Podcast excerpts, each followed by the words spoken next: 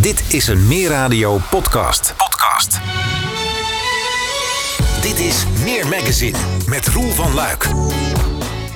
Sinds twee weken is de lokale politiek weer op stoom gekomen na het zomerreces. Een periode van relatieve rust voor de politiek, die dit jaar alweer snel wordt vergeten door de vele wereldwijde, landelijke en lokale thema's die er spelen. Een goed moment om bij te praten met onze burgemeester. Aan de telefoon hebben we mevrouw Marianne Schuurmans. Mevrouw Schuurmans, welkom in de uitzending. Dankjewel, goedemiddag. Ja, allereerst heeft u een fijne zomerperiode gehad.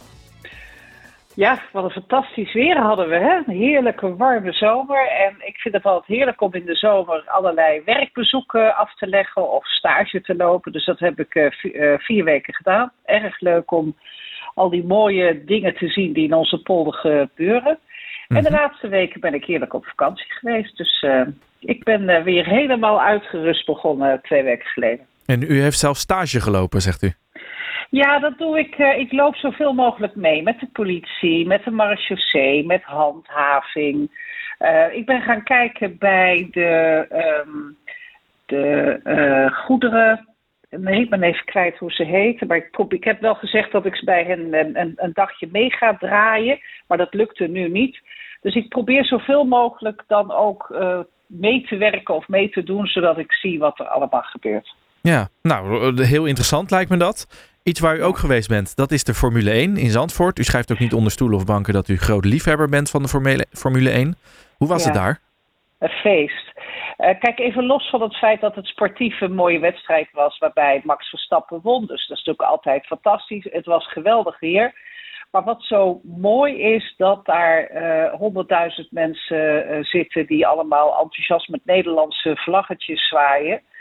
En eh, ja, buiten, de, eh, buiten zijn mensen het allemaal erg oneens met elkaar, maar daarbinnen waren mensen heel eensgezind. En dat doet je toch weer goed. Nou, dat is fijn om te horen. Eh, was u daar puur als liefhebber of had het ook een link met uw werk als voorzitter van de veiligheidsregio, waar Zandvoort natuurlijk ook onder valt? Ja, ik was erg als liefhebber, hè, want anders hoef ik daar niet te zijn als voorzitter veiligheidsregio. In principe is het zo dat de burgemeester van Zandvoort verantwoordelijk is voor de veiligheid. Maar zo gauw er iets gebeurt wat eh, eh, invloed heeft op de gemeente eromheen, dan ben ik als eh, voorzitter van de veiligheidsregio verantwoordelijk. Ja. Maar dat is niet gebeurd. Het gaat al twee jaar heel erg goed daar. Nou, dat is, dat is een fijn bericht. Ehm, iets anders dan, wat deze zomer ook eh, ja, toch in volle vaart voor, eh, doorging, was de instroom van vluchtelingen uit Oekraïne. Er worden op dit Mhm. moment zo'n 1250 Oekraïners in onze gemeente opgevangen. Nu horen we de laatste dagen wel positieve berichten uit Oekraïne. Er worden grote stukken land terugveroverd van de Russen. Verwacht u dat dat betekent dat we ook nu op een piek zitten wat betreft eh, het aantal Oekraïners dat hier naartoe komt? Dat is zo lastig te zeggen. Het is lastig te zeggen ehm, omdat we niet weten hoe de ontwikkeling is. Hè. Het lijkt nu positief te gaan, maar blijft het zo doorgaan? Ehm, je ziet wel dat mensen terug willen en die terug kunnen gaan ook terug. Maar je ziet ook dat er mensen zijn die nog lang niet terug kunnen, waar ook alles stuk van is. En eh, nou ja, de, de minister heeft aan ons gevraagd om ervoor te zorgen dat de ruimte die we beschikbaar hebben, of beschikbaar maken, voor in ieder geval twee jaar eh, voor hun beschikking is. Eh, en dat geeft ook aan dat we echt niet weten hoeveel mensen er op ons afkomen en hoeveel mensen die hier zijn, hoe lang ze hier blijven. Ja, maar als we kijken naar de cijfers van het aantal vluchtelingen op dit moment, ik, ik weet niet of u daar een, een wekelijks beeld van heeft, maar zien we daarin al een, een afname bijvoorbeeld? Ja, als het gaat over Oekraïnse vluchtelingen, dan is dat sterk afgenomen. Er was een hele grote vlucht, hè, waarbij we echt dagelijks honderden mensen ontvingen in het begin. En dat is nu wel eh, afgenomen. Ja, Ehm, u stipt al eventjes aan, er is afgesproken dat de opvangplekken die nu gerealiseerd worden daar voor minstens twee jaar moeten eh, blijven. Dat is ook wel een kritiekpunt dat we de afgelopen weken veel gehoord hebben, namelijk dat Nederland te snel afschaalt op het moment dat er minder vluchtelingen zijn. Ehm, nu is er dus afgesproken dat die, die plekken daar twee jaar blijven. Bent u van mening dat het daarna ook aangehouden zou moeten worden om nou ja, bij eventuele volgende eh, pieken snel weer bij te kunnen schalen? Ja, er zitten twee verschillende soorten vluchtelingen. Hoewel het allemaal vluchtelingen voor oorlog en, en onrust is, hebben de Oekraïense vluchtelingen toch een aparte status. Die vallen niet onder COA, maar die vallen onder ehm, de vluchtelingen die wij bed, bad en brood bieden. En dat doen wij door middel van, uh, nou in eerste instantie zijn ze opgevangen in lege hotelkamers. Wij zijn nu in de regio steeds meer uh, leegstaande panden aan het uh, ombouwen om hen een plek te geven. Is overigens nog steeds heel beperkt. Hè? Mensen slapen op één kamer, delen douches, sanitair en hebben ergens gezamenlijke keuken. Dus ze krijgen geen woonunits. Maar de bedoeling is wel dat die tenminste twee jaar beschikbaar zijn. En mochten langer moeten blijven, dan zullen ze dus ook langer beschikbaar zijn. Ja, maar als zij niet langer blijven, dan wordt het op den duur ook wel weer allemaal uh, afgeschaald en weer, nou, krijgt het weer een kantoorfunctie bijvoorbeeld. Dat heeft ermee te maken welke ruimte. Er zijn ruimtes waarvan we zeggen, nou, dit is echt een plek waar uh, onze eigen inwoners zich niet comfortabel voelen. Hè. Dat zijn toch plekken die je als vluchteling inneemt, maar niet echt geschikt om voor inwoners om er te wonen. Maar we zien ook dat er links en rechts in de regio, en wij zijn ook aan het kijken naar zo'n plek, waarbij we niet alleen Oekraïense vluchtelingen, maar ook bijvoorbeeld studenten of spoedzoekers kunnen plaatsen. En uh, je kunt je voorstellen dat als er dan minder Oekraïense vluchtelingen zijn, dat wellicht uh, spoedzoekers of jongeren of uh, studenten daar een plek kunnen vinden. Ja. Maar de eerlijkheidsgebied wat we nu doen, hè, we, we hebben nu heel snel een polderstaat wat prachtig is maar echt uh, voor uh, de vluchtelingen is ingericht. Uh, waarbij je kunt voorstellen dat um, op het moment dat de Oekraïners weggaan, dan wordt het pand ook gesloopt. Dus dan kunnen we er verder ook geen gebruik maken voor andere doeleinden. Ja, en als we naar de cijfers van dit moment kijken, ik geloof dat toch nog zo'n twee derde ongeveer van de Oekraïnse vluchtelingen in onze gemeente in hotels zitten. Gaat dat snel genoeg, het creëren van dat soort plekken? Nou, dat gaat wel wat sneller, want die cijfers gaan zo snel dat het dus al een stuk minder is. Uh, kijk, we hadden 1700 mensen in hotels.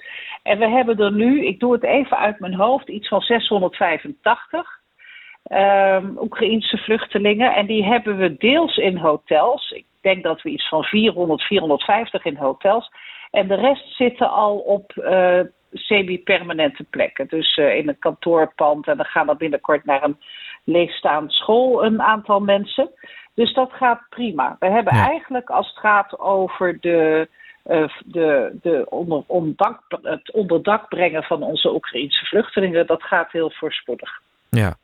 Um, nou, gebeurt er nou van een heleboel. Uh, dat blijven we volgen. Ik wil graag even door naar het volgende onderwerp. Dat is de aanpak van jeugdoverlast. De gemeente Halenmeer die voert al een tijdje de campagne You Choose. Uh, we hebben het hier al vaker over gehad hier in de uitzending. Maar kunt u nog even kort uitleggen wat die campagne inhoudt? Ja, YouTube heeft Haarlemmermeer ontwikkeld omdat we jongeren ervan bewust willen maken dat je een keuze hebt. Als je een mes meeneemt om stoer te zijn of drugs gebruikt om stoer te zijn, dan zijn er ook andere manieren waarop je stoer uh, kunt zijn. En dat is bijvoorbeeld uh, wanneer je echte skills op het gebied van sport of uh, kunst of nou ja, er zijn allerlei zaken die, waarmee je kunt onderscheiden. En wij willen graag jongeren helpen om liever dat te doen, dat te ja. kiezen. Uh, omdat mes en uh, het, het, hebben van een mes en het gebruiken van drugs je leven heel erg kan beïnvloeden. Ja, u noemt al het hebben van skills. Dus um, gewoon ergens iets hebben om in uit te kunnen blinken. onder het motto Show Skills, Not Knives werd afgelopen vrijdag Skills Day georganiseerd. Wat is er allemaal georganiseerd op die dag? We hebben prachtige dingen, daar zijn er neergezet in Bad Hoeverdorp, Nieuw-Vennep en Hoofddorp. Van graffiti, skaten, kickboksen, rappen, uh, make-uppen, uh, TikTok dansen en een groot feest in Studio 5. Um, en dat is uh, allemaal gericht om zoveel mogelijk uh, jongeren te laten zien, kinderen te laten zien, uh, wat er allemaal te doen is en wat heel leuk is om samen te ondernemen. Ja, wat mij opviel is toen ik dit aan het voorbereiden was, dat er online vrij weinig te vinden is over die Skills Day. Jongeren en kinderen die jullie proberen te, begrijpen, te, te, te, bereiken, die zitten natuurlijk de hele dag online. Hoe zorgen ja. jullie er toch voor dat, ja, dat jullie hen weten te, te, bereiken en, en dat ze zich hier, dat ze hier aan meedoen?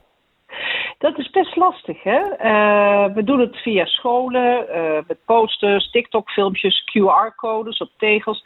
Maar eigenlijk willen we het zoveel mogelijk via jongeren zelf doen, die het aan elkaar vertellen. Ze laten weten dat die activiteiten zijn. Kijk, nu waren er 75 jongeren en dat is mooi. Maar dat is, als je kijkt naar het aantal jongeren in Haarlemmermeer, moet dat er echt meer zijn.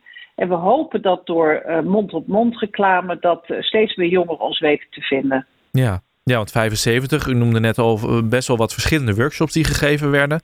Uh, zijn vrij kleine klasjes eigenlijk dan. Ja, dat is echt jammer als je ziet hoeveel er uh, is voorbereid. En ook hoeveel, echt, er is heel veel lawaai gemaakt uh, richting jongeren. Maar goed, ja, het is op een vrijdag. Ik hoorde later dat jongeren zeiden, ja, dan ben ik aan het werk of ik ben laat uit. Of... Het is altijd moeilijk om een, een moment te kiezen waarop je de jeugd aan, je kan, aan je kan binden. We gaan ons best doen. Het belangrijkste is dat we zoveel mogelijk jongeren onderling zeggen van joh, maar dat is heel leuk dat boksen, dat kickboksen, dat moesten we samen gaan doen. Uh, om zo de overlast te beperken. Ja. Uh, vorig jaar is het ook al gehouden. Gaan, gaat de gemeente er wel gewoon mee door om die skills day te organiseren? Ja, het moet nog geëvalueerd worden. Maar wat de kinderen die er waren en de mensen die het organiseerden, waren allemaal heel erg enthousiast. Uh, dus we moeten meer doen aan uh, het maken van lawaai. Hè? Het, het bekendmaken dat we dit doen en ruimen van tevoren. Maar ik denk dat we de, de, de, activiteiten zelf wel blijven organiseren. En even voor uw beeld, want uh, wij zijn hier ooit mee begonnen. En inmiddels hebben heel veel steden in Nederland het overgenomen. Omdat we wel zien dat het in ieder geval een vorm van impact heeft bij jongeren. Ja, nou dat is in geval een, een fijne conclusie.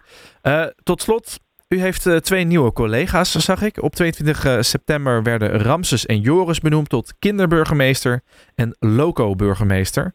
En afgelopen dinsdag uh, heeft u hen ontmoet. Hoe was het met hen? Ja, geweldig. Leuk. Leuke jongens die veel zin hadden om de, dit te gaan doen.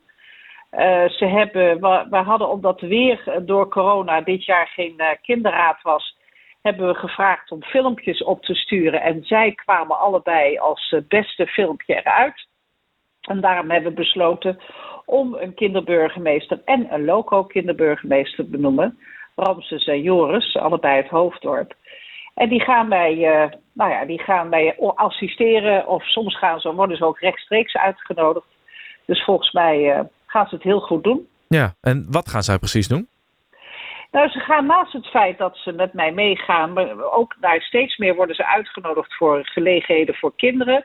Zie je ook dat zij in staat zijn om ons te vertellen eh, wat kinderen nodig hebben. En kijk, we zien in de loop, bij ons in de politiek zitten natuurlijk veel volwassenen. We hebben een jongere gemeenteraad. Maar het is ook zo fijn dat via de kinderburgemeester uh, dingen naar binnen komen bij ons, uh, bij ons bekend worden over wat kinderen nodig ja. hebben. En uh, ja, over veilig schoolgaan, schoolpleinen.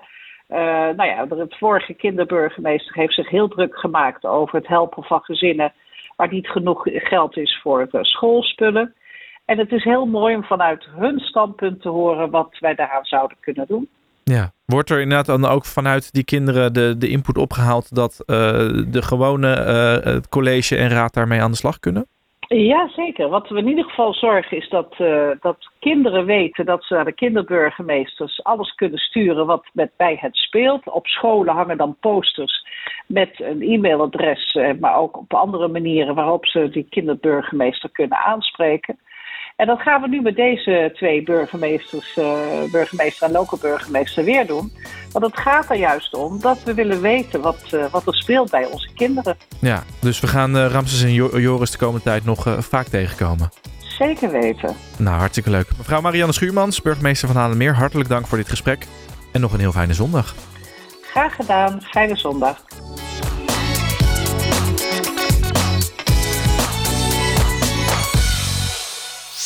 Meer magazine, meer radio, Haarlemmermeer.